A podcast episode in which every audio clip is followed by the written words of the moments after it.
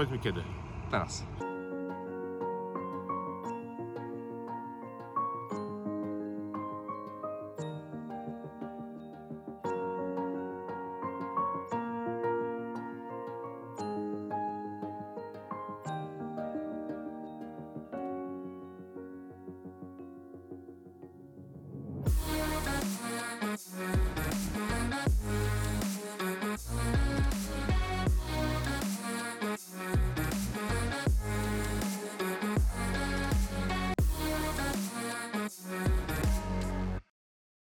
Dzień dobry Państwu. Dzisiaj kolejny układ otwarty z Kijowa.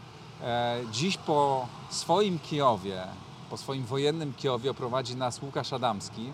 Łukaszu, pokaż się. Dzień dobry Państwu. E, Łukasz jest wicedyrektorem Centrum Mieroszewskiego w Warszawie, który zajmuje się dialogiem między innymi polsko-ukraińskim. E, Kiedyś mieliście się zajmować dialogiem polsko-rosyjskim, No, ale na to już- zajmowaliśmy się, ale nie z naszych przyczyn, nie z, naszych, e, nie z naszej winy wyszło jak wyszło. Tak. E, ale połowę swojego życia, mniej więcej w ostatnich latach, Łukasz spędza w Kijowie, zna to miasto znakomicie. Tutaj widział i początek wojny i, i, i byłeś wielokrotnie e, w jej trakcie. Powiedz, gdzie, gdzie jesteśmy i dlaczego zaczynamy tutaj? W tym, jest- w tym momencie jesteśmy ki- kilka kilometrów od ścisłego centrum Kijowa, koło stacji metra Łukianiwka. Za nami widać budynek ze zniszczoną ostatnią kondygnacją. E, Trafiła w niego rosyjska rakieta albo odłamki rosyjskiej rakiety, które ewidentnie e, miały na celu coś e, w okolicy. I no tutaj widać bardzo dobrze, co tak naprawdę Kijowia, Kijowianie zaczęli przeżywać 24 lutego tego roku. No i początek wojny tutaj dla nich był szokiem. Znaczy wprowadzono godzinę policyjną. Ona w tym momencie, czyli e, w grudniu, trwa od 23 do, do 5 nad ranem. Natomiast w początkowych dniach wojny ona zaczynała się znacznie wcześniej. Mało tego, były takie momenty, kiedy walczono z grupami dywersyjnymi w Kijowie. I e, jeden z weekendów w ogóle bodajże od, od, od soboty do poniedziałku nie można było wychodzić z domu. Teraz w Kijowie e, problemy są przede wszystkim ze światłem. Ze światłem, e, z, z prądem, e, z dostawami prądu, z ciepłem w budynkach, natomiast no, nie ma takiego poczucia zagrożenia militarnego jak w tych początkowych tygodniach, kiedy miasto znalazło się de facto w półoblężeniu. Do miasta można było wjechać tylko drogą południową. E, Linia kolejowa przebiegała kilkanaście kilometrów od linii frontu, więc nawet, nawet przyjazd pociągiem, a w, e, w, marcu, e, w marcu to była główna linia ewakuacyjna, wiązał się z jakimś ryzykiem. Pociągi były e, zaciemniane. Wszędzie tutaj w Kijowie były posterunki wojskowe, tak zwane blokposty, czyli takie stacjonarne punkty kontroli.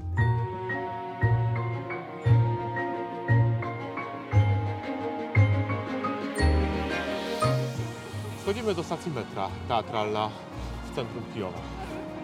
No to ruszamy w Kijów. Metro to zwłaszcza w pierwszych tygodniach wojny e, służyło jako schron. E, Wielu Kijowian nocowało wręcz.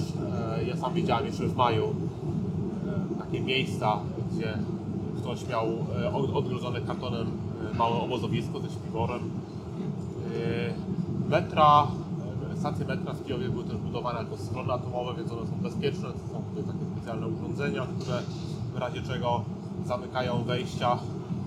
E, No i e, słychać było wielokrotnie, e, jak dzwoniłem do moich kijowskich przyjaciół w pierwszych dniach wojny, że w dniach, kiedy było bardzo dużo alarmów lotniczych, że oni nie są w domu, tylko na stacjach metra, kiedy kilkanaście rosyjskich rakiet według informacji leciało na Kijów, to żeby nie kusić losu, a akurat miałem mieć spotkanie w dzielnicy rządowej, które zostało w ostatnim momencie odwołane z powodu tego alarmu, więc żeby nie kusić losu, to też zjechałem na e, bardzo głęboką stację metra arsenalną, najgłębszą w Europie i tam przeczekałem dwie godziny, aż niebezpieczeństwo minęło.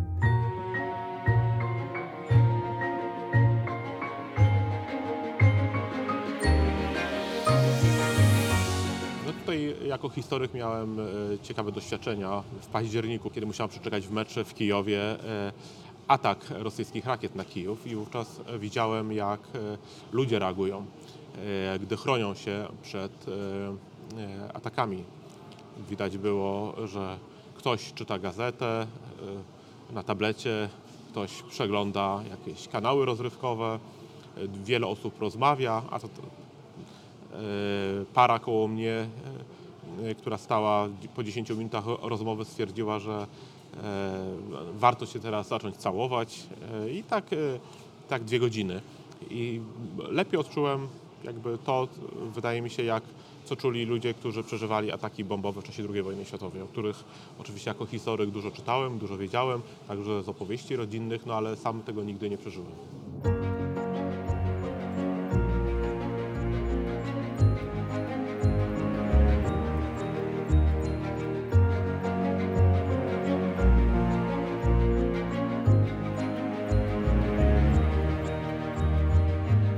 Teraz e, w, najgłębszej stacji metra w Europie. A, tu się chowali, tak? Tak, tutaj też. Bo nie wszyscy zjeżdżali bardzo głęboko, a to jest coś takiego pośredniego. Bo to nie jest jeszcze, zobaczcie, To to, jest jest- dopiero połowa drogi, Tak. co zrobiliśmy. Ma ponad 100 metrów, 105 bodajże. Głębokości. Tak, głębokości. To jest ciekawe, bo to jest masa tych kanałów na Telegramie. Może o tym Łukaszu opowiedz, które pokazują e, jakie, skąd leci samolot, czy skąd E, leci Tak, to są takie. e, dron, czy jakiego typu zagrożenie jest. Tak, tak. I bardzo wielu Kijowian ma e, e, subskrypcję tego rodzaju kanałów. No tutaj chodzi o to, że e, alarmy lotnicze mogą się pojawić z, różnej, z różnego powodu. Na przykład dlatego, że, że lecą drony, albo lecą rosyjskie rakiety, albo po prostu na terytorium Białorusi, Białorusi lata jakiś rosyjski myśliwiec.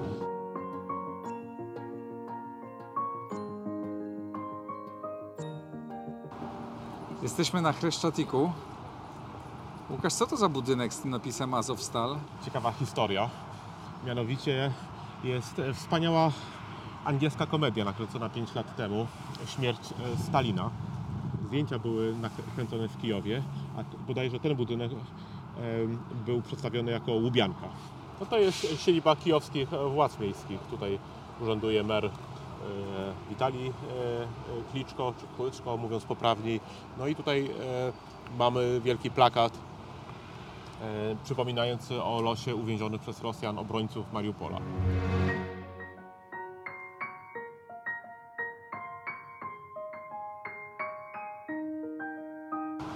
Tutaj widzimy też pozostałości st- starej zabudowy na Chreszczatyku, zniszczonej w 1941 roku. Są te kamienice. A Przypomnę, Majdan że- jest w którą stronę? A Majdan jest e, w tamtą stronę.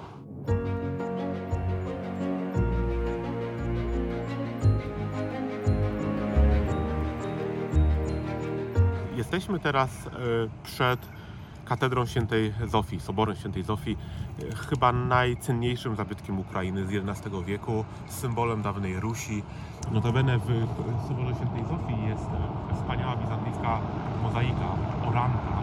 Jest taka legenda, że, że póki e, oranta modli się, póty Kijów będzie bezpieczny. Po drugiej stronie zaś mamy sobór świętego Michała Archanioła o złotych kopułach.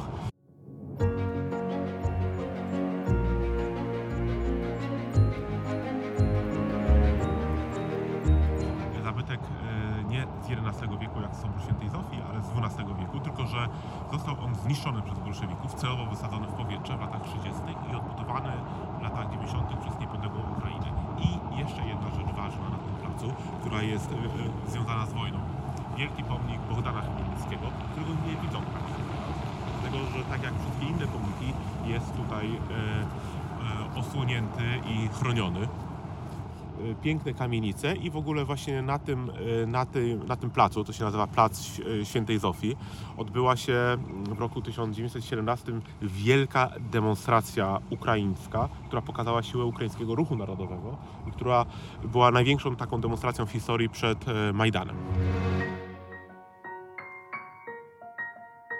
Zgłodnieliśmy i idziemy spróbować ukraińskiej kuchni. E, Jesteśmy w puzatej chacie takiej sieci, e, e, sieci restauracji z tradycyjnymi ukraińskimi potrawami. Tutaj jest dużo na przykład e, ziemniaków smażonych w skórce, jest trochę mięsa takiego, owakiego, łososie, to co zazwyczaj Ukraińcy, ale także wielu, wielu e, e, e, obywateli innych państw, którzy pracują czy mieszkają w Kijowie, jedzą, Tutaj w Pulatej Chacie można spotkać i studentów, i, i na przykład polskich polityków, których e, e, też widziałem. Bo to jest miejsce takie, jak Ukraińcy mówią, z demokratycznymi cenami, czyli z cenami, które są e, na kieszeń prawie każdego. Puzata chata to nie jest ekskluzywna restauracja, ale nawet tu nie ma karty dań. Jest dostępna tylko w wersji elektronicznej.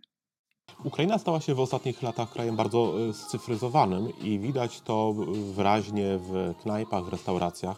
No tutaj mamy, tutaj mamy e, kod QR, e, przy pomocy którego można zapoznać się z menu knajpki, w której jesteśmy, albo pozostawić jakąś opinię na temat tej restauracji. Ale ja już widziałem bardzo wiele mm, restauracji, w których w ogóle nie ma tradycyjnego menu, a jeszcze widziałem też restauracje, e, gdzie można zapłacić po prostu. Nie trzeba wzywać kelnera, ale można zapłacić przy pomocy QR-kodu i uiścić w ten sposób rachunek, nawet pozostawić napiwek, więc wszystko to się odbywa w takiej formie, żeby, żeby niekoniecznie mieć kontakt z kelnerem i żeby to wprowadzono w czasie epidemii, żeby uprościć, e, uprościć e, wzajemne rozliczenia. No oczywiście też jest bardzo tutaj dużo takich e, aplikacji na smartfony, które pomagają żyć w czasie wojny. Jest na przykład taka aplikacja Kijów Cyfrowy, która informuje regularnie, kiedy są alarmy lotnicze. W tej aplikacji można sprawdzić też, gdzie są najbliższe schrony, można kup, kupić e, bilety na środki komunikacji miejskiej. E, Ukraińskie koleje państwowe mają też aplikację, która mm, myślę nie tylko moim zdaniem jest znacznie prostsza w obsłudze, bardziej intuicyjna niż e, aplikacja PKP do kupowania biletów, więc Widać, że czasem jest tak, że gdy kraj jest zacofany albo zapóźniony w rozwoju, do w momencie, gdy wchodzi nowa technologia, to e, potrafi e, znacznie szybciej się przystosować do niej niż te kraje, które wydawałoby się mm, mają znacznie większy kapitał, żeby, żeby robić tego rodzaju zmiany, bo system bankowy ukraiński też e, nie został zniszczony przez Rosjan, działa bardzo sprawnie, a na przykład Wielu Ukraińców skarży się teraz, że gdy są w Irlandii, w Niemczech czy w Stanach Zjednoczonych, to panują tam rozwiązania w bankowości elektronicznej, których na Ukrainie już dawno nie ma, albo których nigdy nie było. Zjedliśmy i idziemy nad rzekę, nad Dniepr szeroki.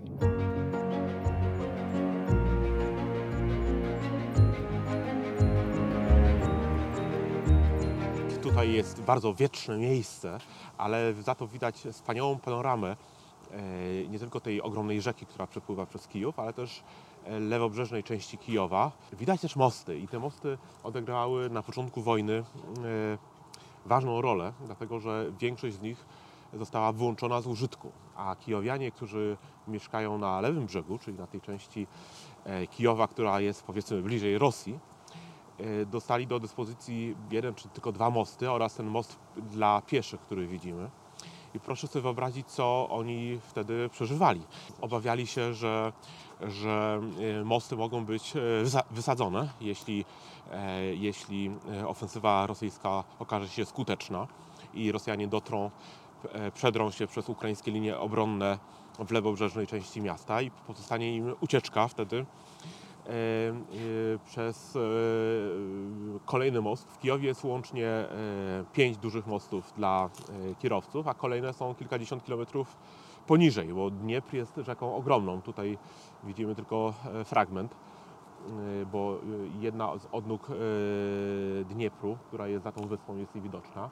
Widzimy też łuk, łuk e, przyjaźni narodów. To jest e, pomnik, który został wzniesiony w 1954 roku na trzystulecie Rady Perejesławskiej, czyli tej, tego aktu mm, kozaków e, pod kierownictwem, pod prze- przewodnictwem Bogdana Chmielnickiego, który doprowadził do zajęcia znaczącej części Ukrainy przez Rosję.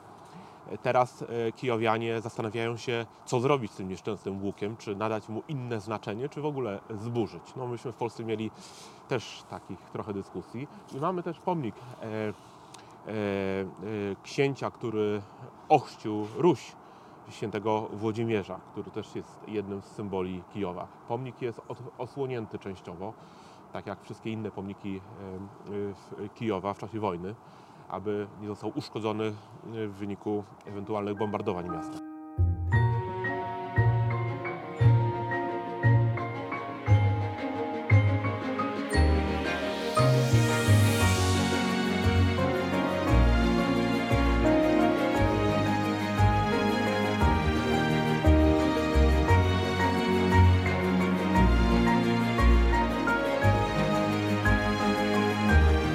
Rzeki przenosimy się do miejsca, gdzie kiedyś przed policją uciekał na dach bloku Michaił Saakaszwili. Ale to nie tylko dlatego to miejsce jest ciekawe. Jesteśmy przed kościołem świętego Aleksandra. E, to jest katedra e, rzymskokatolicka, kijowska. E, bardzo, bardzo piękna. O jej historii za chwilę nam Łukasz opowie, ale tutaj Państwo widzicie wykreśloną o 16.30 wykreślona msza. To jest msza, która była po rosyjsku. Ruski jest tu rugowany i rzeczywiście tak jak przekonałem się o tym, o czym Łukasz opowiadał, jak dla ci z Państwa, którzy pamiętają ten e, program jakiś miesiąc temu. E, rzeczywiście po rosyjsku tutaj rzadko, rzadko ktokolwiek mówi. Jeden z naszych rozmówców mówił po rosyjsku, był to absolutny wyjątek. Kościół był zbudowany w e, pierwszej połowie XIX wieku. Był budowany przez dłuższy czas, prawie 30 lat, dla e, miejscowej społeczności polskiej. E, To było za czasów e, cara Aleksandra I i Mikołaja I. Obecnie jest to, jest to katedra. Jest to katedra die- diecezji kijowsko-żytomierskiej. W Żytomierzu jest konkatedra, tu niedawno Jest to też miejsce, do którego przychodzą Polacy mieszkający i pracujący w Kijowie, a także miejscowi Polacy ukraińscy, więc tutaj po polsku e, regularnie się odbywają. E, W czasach sowieckich ten e, budynek kościoła służył jako planetarium, także tak naprawdę dopiero na niepodległej Ukrainie można było przywrócić mu funkcje sakralne. I, no i właśnie to jest jeden z kilku takich kościołów w Kijowie. Jest jeszcze piękny kościół świętego Mikołaja neogotycki, który teraz ma być przekazany na powrót parafii katolickiej. Mało kto teraz e, pamięta, że były prezydent Gruzji, obecnie e, odbywający karę więzienia w Gruzji, e, Michał Saakaszwili, e, miał też obywatelstwo ukraińskie i e, przez kilka lat e, pracował na Ukrainie jako gubernator e, Włodarskiego. Później próbował robić karierę polityczną, e, naraził się prezydentowi e, Petrowi Poroszence, ówczesnemu prezydentowi i został dla nim e, wydany nakaz aresztowania. I jak przyszła policja, żeby go aresztować, Saakaszwili uciekł na e, dach tam tego, tego, tego zielonego albo żółtego domu, jednego z tych do, domów naprzeciwko katedry i z dachu przez komórkę krzyczał, e, mobilizował swoich zwolenników, żeby utrudnili aresztowanie. I go w wyniku tego chyba nie aresztowano w końcu. No, go, w końcu go zatrzymano, ale potem go wypuszczono, ale Saakaszwili został e, aresztowany e, w, Gruzji potem później, no i Tak. teraz jest uwięziony.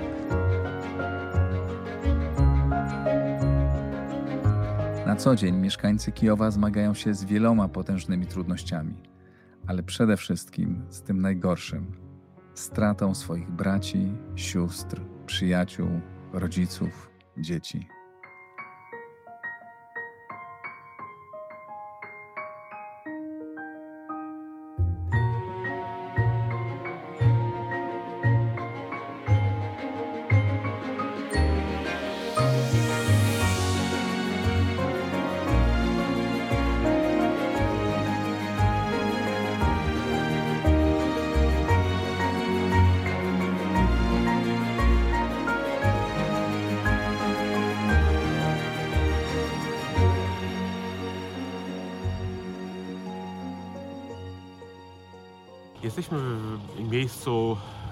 Symbolicznym koło, koło Soboru Świętego Michała Archanioła w Złotych Kopułach, który służył e, w 2013 roku za schronienie dla pobitych e, demonstrantów na pobliskim Majdanie.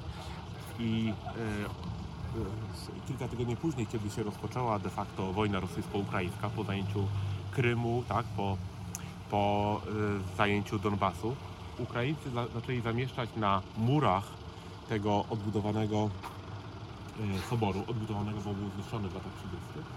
e, zaczęli umieszczać zdjęcia e, poległych obrońców Ukrainy. Tutaj widzimy, widzimy jak wiele osób zginęło. Widzimy też znicze, które są kładzione i niestety, niestety ta, te, ten mur z ofiarami, który jeszcze, który do, do, jeszcze do niedawna był bardzo no, stosunkowo niewielki, to po wybuchu tej wojny, tej, tego etapu wojny, znacząco się rozszerzył. Widać tutaj cały czas jesteśmy przy e, koło żołnierzy, którzy zginęli e, w 2014 rok, rok, roku e, w trakcie e, letnich walk o Donbas, potem w Kotle, w Debalcewo, w Debalcewie, w Iłowajsku. Jest to też miejsce, które zawsze e, czy bardzo często pokazują e, ukraińscy dyplomaci swoim e, zagranicznym kolegom. Niesamowicie długa jest ta ściana i No tych właśnie. zdjęć jest tutaj bardzo, bardzo dużo. Tak, to jest e, niezwykle poruszające, gdy widać jak e, do tej ściany podchodzą e, rodziny zmarłych żołnierzy, czasem dzieci. Przecież tutaj e, e, wywołana przez Rosję wojna sprawiła, sprawiło, że wielu, e, wiele ukraińskich dzieci stało się e, sierotami. No tutaj mamy teraz 2015 rok. E, Żołnierze polegli e, w Debalcewie, czy w okolicach Debalcewa, kiedy, kiedy to Rosjanie e, zerwali de facto porozumienia mińskie i zajęli to kontrolowane do tego czasu przez Ukraińców miasto. Tu mamy 2015 rok, potem kolejne walki, cały czas Donbas e, 2000, 2016. I kiedy, kiedy, widzimy, kiedy widzimy te fotografie, no to e, twarze poległych e, żołnierzy, no po prostu widać po prostu czym, czym, czym, czym, jest, czym jest wojna. Tutaj każdy z tych e, żołnierzy ma przypisaną jednostkę wojskową, której służył, tak, lata życia. Pomimo tych strasznych doświadczeń, humor ludzi tutaj nie opuszcza. E, W czasie wojny e, życzliwości wobec Polaków zdaje się jest jeszcze więcej niż w czasach e, przedwojennych. I to widać, kiedy ludzie rozpoznają we mnie Polaka, próbują zagadać po polsku, wyrażają podziękowania za to, co Polska robi dla Ukrainy. I takich sytuacji miałem bardzo dużo, ale szczególnie zapamiętałam jedną. E, Na początku maja, kiedy jechałem taksówką, jak wsiadłem, to taksówkarz od razu e, się pyta, czy pan z Polski. No mówię tak. No bo widzi pan, ja szukam e, pracowników dla brygady remontowej, którą kompletuję. Ja tak na niego patrzę, bo zasadniczo no nie wyglądam jak robotnik chyba budowlany, no ale mógłby pan troszeczkę więcej opowiedzieć, jakich pracowników pan potrzebuje, jakich brygadzistów. A on mówi tak, widzi pan, my jesteśmy sami w stanie wyrzucić Moskali z Ukrainy, my to zrobimy. Natomiast e, jest nas za mało, ażebyśmy mogli raz na zawsze e, pokonać tego rosyjskiego potwora i przebić go osinowym kołkiem.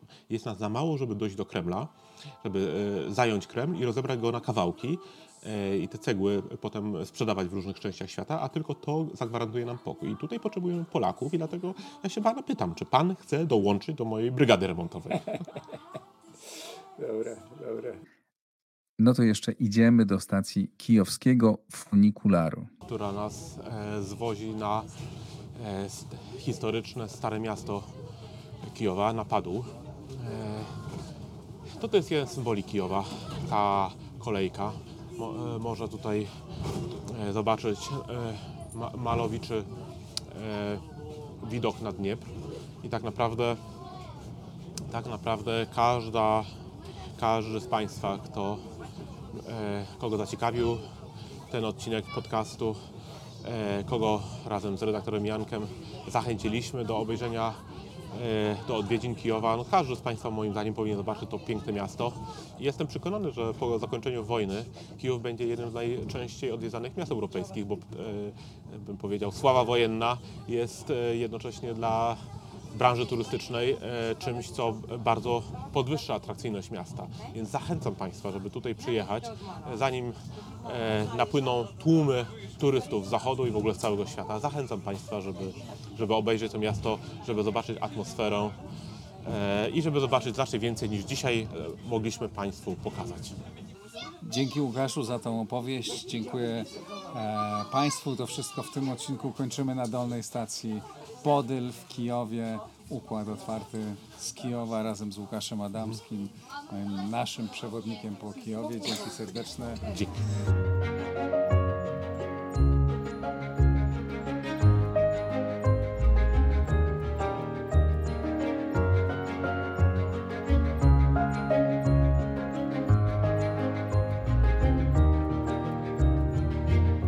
Wjechałem jeszcze raz na górę, by odwiedzić jedną ze świątyni, ale nie wpuszczono mnie tam, bo zawyły syreny alarmowe, a wtedy nie wpuszcza się nikogo. No to wracam jeszcze raz na dół. To wszystko już w tym odcinku, e, w tej podróży po Kijowie, w tej e, z Łukaszem Adamskim. E, Bardzo dziękuję Łukaszowi. Bardzo dziękuję wszystkim patronom, dzięki którym mogę te odcinki robić. Kto z Państwa chciałby wesprzeć Układ Otwarty, serdecznie zapraszam na mój profil w serwisie patronite.pl. E, To wszystko z Kijowa. Jestem pewien, że Państwo będziecie tu przyjeżdżać, e, kiedy już będzie spokojnie, kiedy będzie bezpiecznie. To naprawdę rewelacyjne miasto. Przed chwilą zakończył się alarm, e, który włączył się kilkanaście minut temu, ale nic się nie stało. No niemniej takie sytuacje tu się zdarzają e, regularnie, ale jest już cisza, e, spokój. E, Zjeżdżam na Podyl do historycznej, starej dzielnicy Kijowa. Dziękuję bardzo, to wszystko w tym odcinku. Zapraszam na kolejne. Subskrybujcie, lajkujcie, wspierajcie. Dzięki, do zobaczenia. Pozdrawiam Was z Kijowa.